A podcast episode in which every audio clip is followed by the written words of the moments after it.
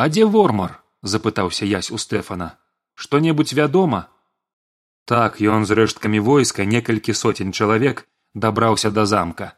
Гэта бачылі нашыя людзі значыць нам туды? Безумоўна частка паўстанцаў засталася ахоўваць палонных ля былога храма. Іншая на чале са стэфанам ясем даніэлем і рут вырушыла ў бок замка. Калі яны дасягнулі замкавых муроў то ўбачылі што браму ніхто не абараняе. Ды ў гэтым не было сэнсу. Землятрус раскалоў мур. На самой тэрыторыі таксама нікога з жаўнераў не аказалася. Значыць яны заселі ў карпусах ці вежах. Стэфан падзяліў людзей на некалькі групаў. У атрадзе камандзірам якога стаў даніэль апынулася і рут. Яся стэфан пакінуў у сваёй камандзе яны ўвайшлі ў замак выламаўшы забарыкадаваныя дзверы. Унутры было пуста. Язь прыслухаўся ні гуку. Стэфан адправіў усіх правяраць першыя паверхі а сам з ясем падымаўся вышэй. На трэцім паверсе дзе быў доўгі калідор галерэя з мноствам дзвярэй яны пачалі праглядаць усе пакоі адзін за адным але нікога нідзе не было.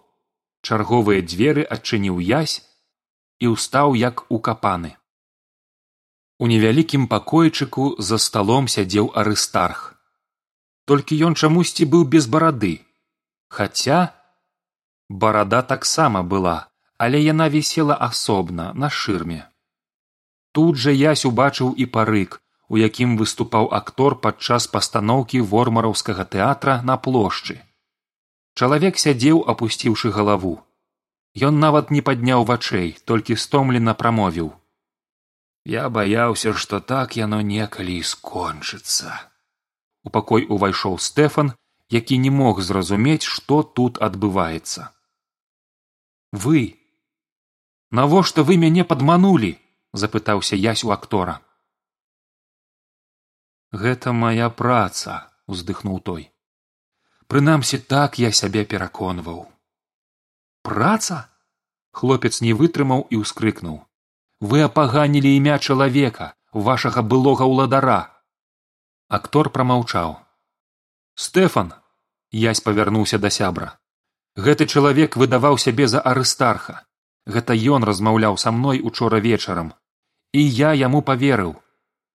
Прабач што ўвёў узман цябе і іншых. Стэфан разгублена глянуў на яся тваёй віны тут няма. Ім гэта было лёгка зрабіць бо ты як і шмат хто з аферыйцаў арыстарха ніколі не бачыў. Затым ён грозна запытаўся ў актора. Што было з уладаром? Які яго лёс? Яго забіў вормар. Праз год пасля таго як захапіў уладу. Спачатку трымаў у турме думаў той выдасць сакрэт петрафора. Але арыстарх маўчаў і тады яго забілі. Стэфан набраў у грудзі паветра і шумна выдыхнуў. Дзе вормар? Не ведаю дакладна. Дзесьці вышэй у вежы разам з калідам даніэль і іншыя паўстанцы прачэсвалі паўночную частку замка. Тут яны патрапілі ў засаду. Дзверы аднаго з карпусоў былі не заблакаваныя і нішто не казала што тут могуць хавацца жаўнеры. Але варта было атраду зайсці ўнутр як аднекуль зверху з лесвіцаў разразаючы паветра свістам у іх паляцелі арбалетныя стрэлы а з трох калідораў што сыходзілі ў розныя бакі выскачылі вормараўцы. Гэта быў спецыяльны атрад хваўлюса толькі цяпер без свайго кіраўніка. Паўстанцы адчайна змагаліся але жаўнеры былі спрактыкаваныя знаўцы сваёй чорнай справы. Даніелю даводзілася цяжка а рут яшчэ цяжэй. Яна і так ледзь адбівала ўдары як раптам перад ёй узнік здаравенны жаўнер. Гэта быў той што спрабаваў яе злавіць на пляскатых гарах. Пазнаўшы дзяўчыну ён дзіка выскаліў зубы і зароў. Рут зарублю! Ён падняў над сабой меч і паласнуў паветра рут паспела прыгнуцца і толькі пачула як сталь прасвістала над галавой. Выстаяць супраць гэтай гары яна не зможа. Гэта было ёй цалкам зразумела. Трэба было тэрмінова нешта рабіць. Ідэяў не было абсалютна ніякіх акрамя старога і ўсім вядомага труку на які б ніхто не павёўся. Тым не менш руд акругліла вочы і гледзячы за спіну здаравякі усклікнула вормар! На яе здзіўленне той тупавата азірнуўся і яна не трацячы часу кінулася назад да дзвярэй. Ужо каля самага выхаду пачула знаёмы рык ад крыўды. Відаць граміла зразумеў што яго падманулі. Рут выскачыла на вуліцу і закрычала на дапамогу! Тут жаўнеры! Паўстанцы што запаўнялі тэрыторыю замка кінуліся да дзвярэй. Сама рут вырашыла не вяртацца туды стаяла прыслухоўваючыся да гукаў бойкі. Праз некалькі хвілінаў справа была скончаная. Палонных вормараўцаў выводзілі з будынка. Даніель вёў здаравяку які пабачыўшы рут кінуў на яе погляд поўны нянавісці. Стэфан і язь шпарка падымаліся ў гору яны беглі ўсё вышэй і вышэй паверх за паверхам пакуль не дасягнулі апошняга. Тут павінен быць адзін вялікі круглы пакой прашаптаў стэфан. Далей толькі дах і шпіль яны спыніліся стараючыся бязгучна аддыхацца. Шосты падышоў да дзвярэй. Язь моцна сціснуў эфес. Стэфан пастаяў секунду і што моцы ударыў у дзверы нагой. Тыя вылецелі і я з сябрам уварваліся ўнутр вормар і каліт былі тут. Яны якраз вычышчалі замураваную ў сцяну шафку ссыпаючы ў мех залатыя манеты і каштоўныя камяні. Убачыўшы паўстанцаў яны кінулі свой скарб і рынуліся да вокнаў. Вормар да правага бліжэй да таго боку дзе быў язь каліт да левага. Зазвінелі разбітыя шыбы і вормар з калідам зніклі ў вокнах. Там масты крыкнуў стэфан за імі! Яны падбеглі кожны да бліжэйшага акна. Язь вылез вонкі стараючыся не параніцца аб аскепкі цьмянага старога шкла што засталіся тырчаць у жалезнай раме і апынуўся на адным з пераходаў мастоў. Гэтыя масты падобныя на віядукі злучалі вежы ў самым версе. Відаць імі даўно ніхто не карыстаўся. Парэнчы былі невысокія да пояса і драўляныя але такія даўнія што прыгнілі ад часу і дажджоў а дзе нідзе іх проста ўжо не было. Вормар стаяў павярнуўшыся тварам да яся з мячом у левай руцэ дык вас толькі двое! У тоне вормара была крыўда і здзіўленне трэба было разабрацца з вамі там у пакоі і далей збіраць каштоўнасці яны нам яшчэ спатрэбяцца каб сабраць новае войска і вярнуцца ў сталіцу язь прамаўчаў вормар злосна зірнуў на ясеў меч. Ты што хлопча у нас новы ўладары ферыі з'едліва прамовіў ён і рынуўся ў атаку. Ясь адбіў першы выпад адвёўшы меч у бок. З другой атакай было тое ж самае. Вормар на імгненне спыніўся і здзіўлена паглядзеў на свайго саперніка. Для яся мець двубой з леварукім было звычайнай справай але вось для вормара гэта відаць аказалася нечаканай непрыемнасцю. Яго вочы звузіліся ён уцягнуў ноздрамі паветра і зноў пайшоў у бой. Раз за разам язь адбіваў удары аднойчы нават ледзь не вывернуўшы меч з рукі праціўніка. Вормар пачаў нервавацца дапускаць зусім недаравальныя памылкі і гэта раз'юшвала яго яшчэ больш. Поўны гневу ён стаў губляць канцэнтрацыю убачыўшы гэта язь пайшоў у атаку. Ён атакаваў усё больш напорыста. Удар яшчэ удар. Блокі вормара былі нейкія няўпэўненыя. І ўрэшце падгадаўшы момант язь зрабіў свой любімы адшліфаваны яшчэ на фехтаванні выпад. Меч бліснуўшы маланкай трапіў супраціўніку ў левую ключыцу. Ад нечаканасці вормар зрабіў крок назад і аступіўшыся паляцеў з віядука Ён павіс, трымаючыся рукой за край моста. Далёка ўнізе роўна пад гэтым месцам прайшла расселена, што пакінуў землятрус. Ясь, ясь! Ён стагнаў як дзіця, што ў гарачцы просіць у бацькоў піць. выратуй, выратуй ясь не хацеў чуць гэтых просьбаў але сэрца яго сціснулася выратуй мяне маліў вормар ясь стаў на калені ўзяў яго за каўнер і з усіх сілаў пацягнуў наверх. Уладар цяжка дыхаў спрабуючы ўтрымацца над прорваю. Левая ягоная рука бязвольна вісела. Ясю ўдалося падцягнуць яго. Вормар спачатку лёг на мост грудьмі потым закінуў калена. Раптам бязвольная левая рука ўладара узвілася ў гору і вормараўскі меч увайшоў ясю ў грудзі ясь так і застаўся сядзець сутаргава спрабуючы ўздыхнуць. Дзякуй за збаўленне эферыя цябе не забудзе сказаў яму вормар на вуха рэзка выцягнуў скрываўлены меч і ўстаў. Дыхаць было амаль немагчыма. Перад вачыма ўсё паплыло. Ясь паглядзеў на вормара і ўбачыў што той стаіць трывожна кудысьці ўзіраючыся ясь таксама павярнуў галаву. Над высокай гарой проста з неба з агромністага белага воблака зашумеў паліўся вялізны цудоўны нябесны вадаспад. Шум вады стаў чутны па ўсім вертагардзе. Ясь ледзь устаў на дрохкіх нагах. Яго вадзіла з боку ў бок і ён абапёрся на хісткія парэнчы зірнуў на суседні мост там таксама ішоў бой.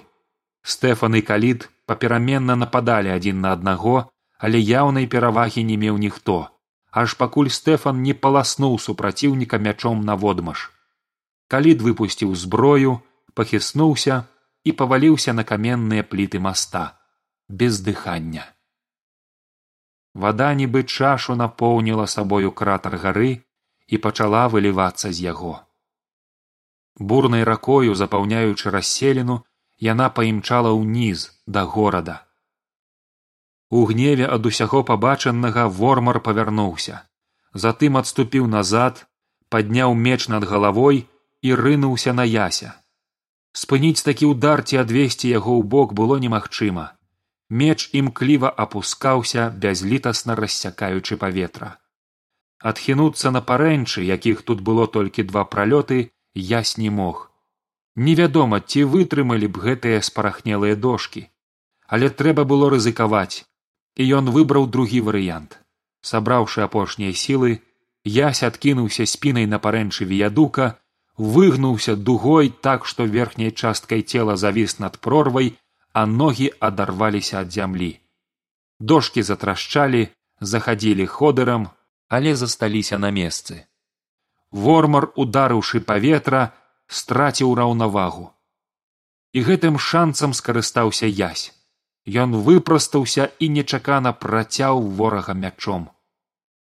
Нічога не разумеючы вормар ступіў некалькі крокаў закалываўся над безданню і бездапаможна узмахнуўшы рукамі сарваўся з моста ён паляцеў долу як страшная чорная птушка і ўпаў на камяні складзеныя тут калісьці на ягоны ж загад. Менавіта з іх быў зроблены пастамент шаляў выбару. Неўтаймаваны поток вады што імчаўся з вяршыні гары спяшаўся да падножжа. Расселена якая ўтварылася пасля землятрусу стала рэчышчам для імклівай паўнаводнай ракі.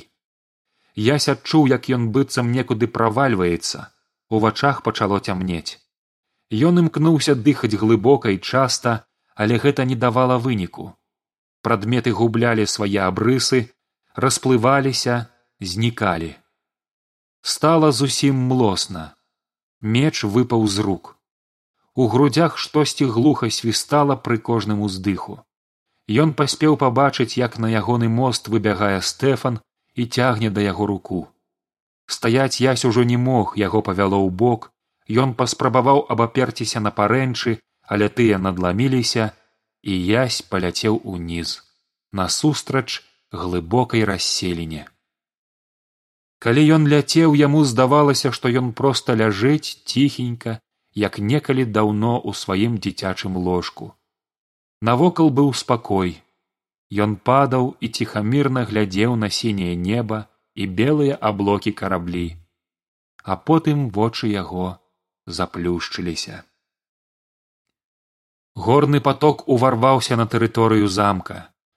Ён запоўніў расселену за некалькі імгненняў да таго, як у яе упаў язь. Вада падхапіла яго цела і пацягнула за сабою. У гэты ж самы час натан эміль і марцін спусціліся са сваёй камеры на трэцім паверсе па звязаных турэмных коўдрах. Коўдры былі тонкія амаль як прасціны, але цяпер гэта было толькі на карысць вязням. Дабраўшыся да зямлі яны як і ўсе астатнія эфірыйцы здзіўлена глядзелі на нябесны вадаспад і на бурлівую раку якая набліжалася да іх. Вада запоўніла сабою расселену паміж дзвюма часткамі турмы пайшоўшы далей у горад. І натану здалося што ён нешта заўважыў. Ён пільна прыгледзеўся так і ёсць. Там чалавек ускрыкнуў ён. Захоўнікі падышлі да берага чакаючы пакуль цела падплыве бліжэй гэта хлопец сказаў натан гэта язь у жаху прамовіў эміль. Яны схіліліся да вады і выцягнулі яся на бераг. Натан спрабаваў намацаць яго пульс і зразумець ці язь дыхае. Але ці пульс з дыханнем былі вельмі слабыя ці іх зусім не было разабрацца ён не змог Ён хоць і быў навукоўцам, але не доктарам. У гэты час да іх падбеглі стэфан і рут з даніэлем. Рукі натана трэсліся і на запытальныя позіркі сяброў ён толькі пахітаў галавой. Рут ціха заплакала, аблачынка закрыла сонца і цень лёг на іх твары. Усе яны стаялі над ясем маўкліва журботна. У гэты момант сонца, што выйшла з-за воблака, адбілася ад ветража петрафора і кінула блік на ясеў твар. Роўна ў заплюшчаныя вочы. Ясь зморшчыўся чхнуў расплюшчыў вочы і сеў. На сваё вялізнае здзіўленне ён пабачыў што над ім стаяць ягоныя сябры і радасна абдымаюць адзін аднаго. А руд прысела і пацалавала яго ў лоб. З вышыні з самага неба усё гэтак жа ліўся вадаспад Цяпер ён здаўся ясю рознакаляровым з-за дзівоснага святла, якое мігцела ў гэтай вадзе. Гук вадаспада быў такі моцны, што ясь не адразу разабраў стэфанова жывы ён толькі кіўнуў галавой і прыўзняўся. Было відаць, што там на гары мільярды дробных кропелек падымаліся ў паветра і разляталіся па наваколлі лёгкім белым туманам. Тры яркія вясёлкі ўвенчвалі гэтую цудоўную карціну. Ясь ужо звык не здзіўляцца нічому ў эферыі, але гэта было не падобна ні на што з таго, што ён сустракаў раней. Вы бачыце гэта? гучна запытаў язь. жывая вада. Так, мы ўжо здагадаліся, за ўсіх адказала рут. Ясь узняўся на ногі і агледзеў сябе на грудях і левым баку адзенне было парванае, але ад ранаў не засталося і знаку. Наадварот ён адчуваў небывалы прыліў сілаў і радасці. Ён падняў галаву, паглядзеў на замак, туды, дзе нядаўна вытрымаў двубой з вормарам і заўважыў на адной з вежаў вывешаны залаты сцяг новай эферыі. Значыць, усё скончана запытаўся ён у стэфана не усё толькі пачынаецца братка падміргнуў той. Стэфан вырашыў прызначыць агульную сустрэчу ўсіх эферыйцаў перад замкам. Яна павінна была адбыцца праз дзве гадзіны а пакуль што ўся іх каманда адправілася ў турму шукаць піліпа і гераніма. Хтосьці паспеў ужо змайстраваць масток і ясь рут і даніэль адправіліся ў тую частку вязніцы, што апынулася на іншым баку паўнаводнай расселены, а іх сябры ўвайшлі ў тую, што была бліжэй. У турме было змрочна і холадна, камеры тут былі яшчэ зачыненыя і зняволеныя заставаліся ў іх.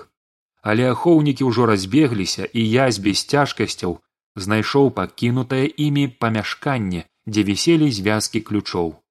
Яны адчынілі дзверы, выпускаючы людзей на свабоду. Тут былі і мужчыны і жанчыны і пажылыя і зусім яшчэ юныя. Камеры былі перапоўненыя але вось у адной з іх аказаўся толькі адзін чалавек. Убачыўшы што дзверы адчыніліся ён радасна ўсклікнуў і закрыўшы твар рукамі ды заплакаўшы ад шчасця паспяшаўся да выхаду. Штосьці дзіўнае было ў гэтым чалавеку і язь узяў яго за рукаў. Пастойце! Чалавек спыніўся усё плачучы ў далоні і паўтараючы. Дзякуй дзякуй! Язь што здарылася запытаўся даніэль. Пакажыце твар загадаў язь вязню. Той здавалася не чуў і толькі наўзрыд паўтараў словы падзякі. Пакажыце твар язь ужо крыкнуў. Вязень уздрыгнуў і павольна апусціў руки на іх глядзела агідная з вострай бародкай аблічча хваўлюса. Рут выхапіла меч. У камеру загадаў язь хваўлюс зрабіў некалькі крокаў назад і цяпер ужо заплакаў па сапраўднаму я каюся я больш не буду! Адпусціце мяне! Ты схаваўся ў турме адказаў язь пераапрануўся ў робу! Ну што ж ты сам выбраў сваё месца? Значыць табе яшчэ трэба пасядзець тут а ўжо суддзі вырашыць чаго ты заслужыў. Яны зачынілі дзверы і рушылі. Заставалася яшчэ дзве камеры ў самым канцы калідора. Калі ў дзвярах заскрыгатаў ключ жанчыны што былі ў адной з іх падхапіліся. Эстэр чуеш? Нас вызваляюць сказала кабета сваёй родавалосай сяброўцы. Эстэр села на нарах. Дзверы адчыніліся руд застыла на парозе гледзячы на зняволеную якую выхапіў з цемры квадрат святла. Ключы выпалі з рук. Мама гэта ты толькі і змагла прашаптаць рут. Рут расказала маці якая слухала дачку плачучы і абдымаючы што яны шукаюць тату і што вормара больш няма. Пра тое што тата быў паранены яна не адважылася паведаміць затым пачала пытацца ў маці як тая апынулася тут. Але эстэр толькі пахітала галавой. Потым дачушка потым заставалася апошняя камера. Яна аказалася самай цёмнай. Калі ясь адчыніў дзверы то ўбачыў што тут на халоднай каменнай падлозе ляжаць піліп і геранім. Пад спінай піліпа была чырвоная лужына крыві. Руд ускрыкнула і падбегла да іх эстэр таксама прыпала да мужа. Я схіліўся над геранімам. Той ледзь ледзь дыхаў. Тата! Тата клікала руд піліп расплюшчыў вочы але не пазнаў яе.